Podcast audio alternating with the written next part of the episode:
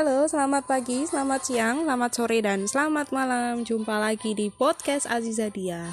Kali ini saya akan bercerita dari Pulau Papua lagi yang berjudul Legenda Batu Keramat. Langsung saja ya.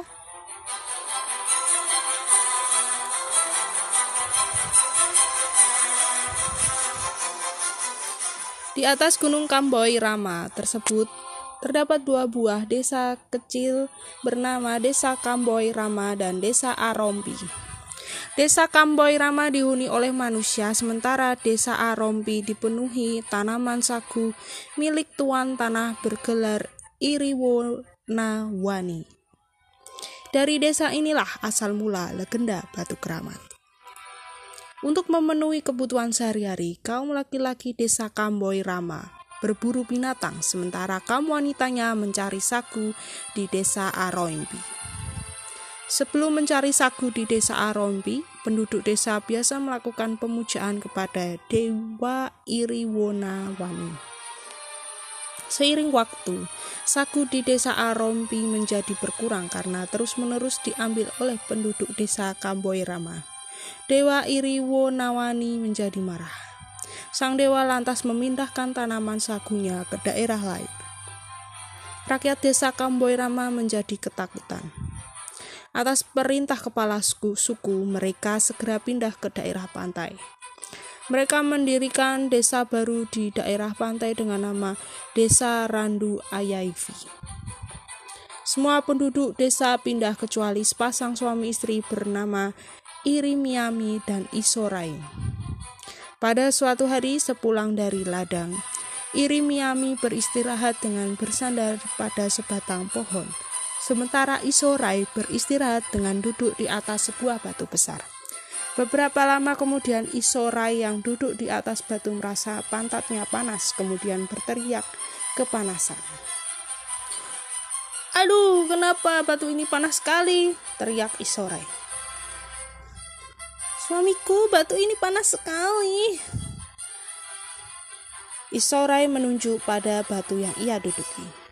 Irimiami merasa penasaran kemudian memegang batu tersebut menggunakan tangannya. Ia segera menarik tangannya karena merasa panas.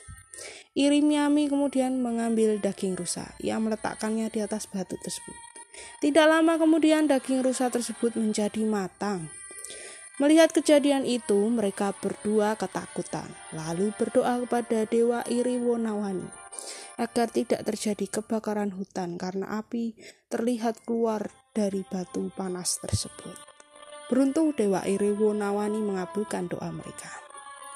Keesokan harinya, mereka berdua kembali mendatangi batu tersebut.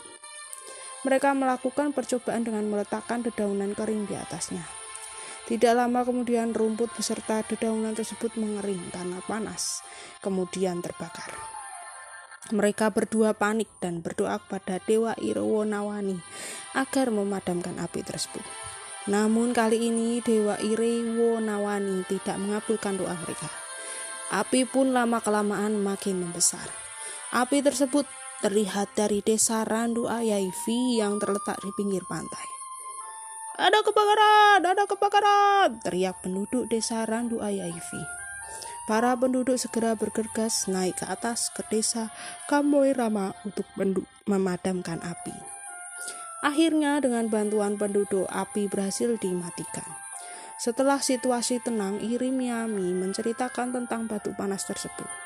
Para penduduk kemudian mencoba meletakkan daging di atas batu tersebut. Tidak lama kemudian daging tersebut matang. Benar kan ceritaku?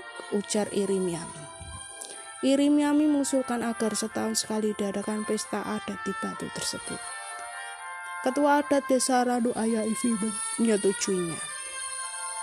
Batu tersebut kini dianggap sebagai batu keramat oleh rakyat setempat. Keesokan harinya, masyarakat membawa berbagai macam makanan ke batu tersebut untuk dimasak beramai-ramai. Mereka mengadakan pesta di sekitar batu keramat tersebut. Selama pesta berlangsung, Irimiami dan Isorai menceritakan semua peristiwa yang terjadi mengenai batu keramat tersebut. Hingga kini, masyarakat Kepulauan Yapen masih melestarikan budaya tersebut. Mereka sering berkumpul di Batu Keramat untuk melestarikan budaya yang dimulai oleh leluhur mereka. Irimiami dan Isorai sambil saling menjalin persaudaraan. Nah, ternyata di Indonesia ini masih memegang erat budaya. Jadi, jangan menghilangkan budaya kita sendiri-sendiri ya. Di mana pun kita berada, ingat selalu budaya dan sejarah itu selalu ada. Oke, terima kasih. Sampai jumpa.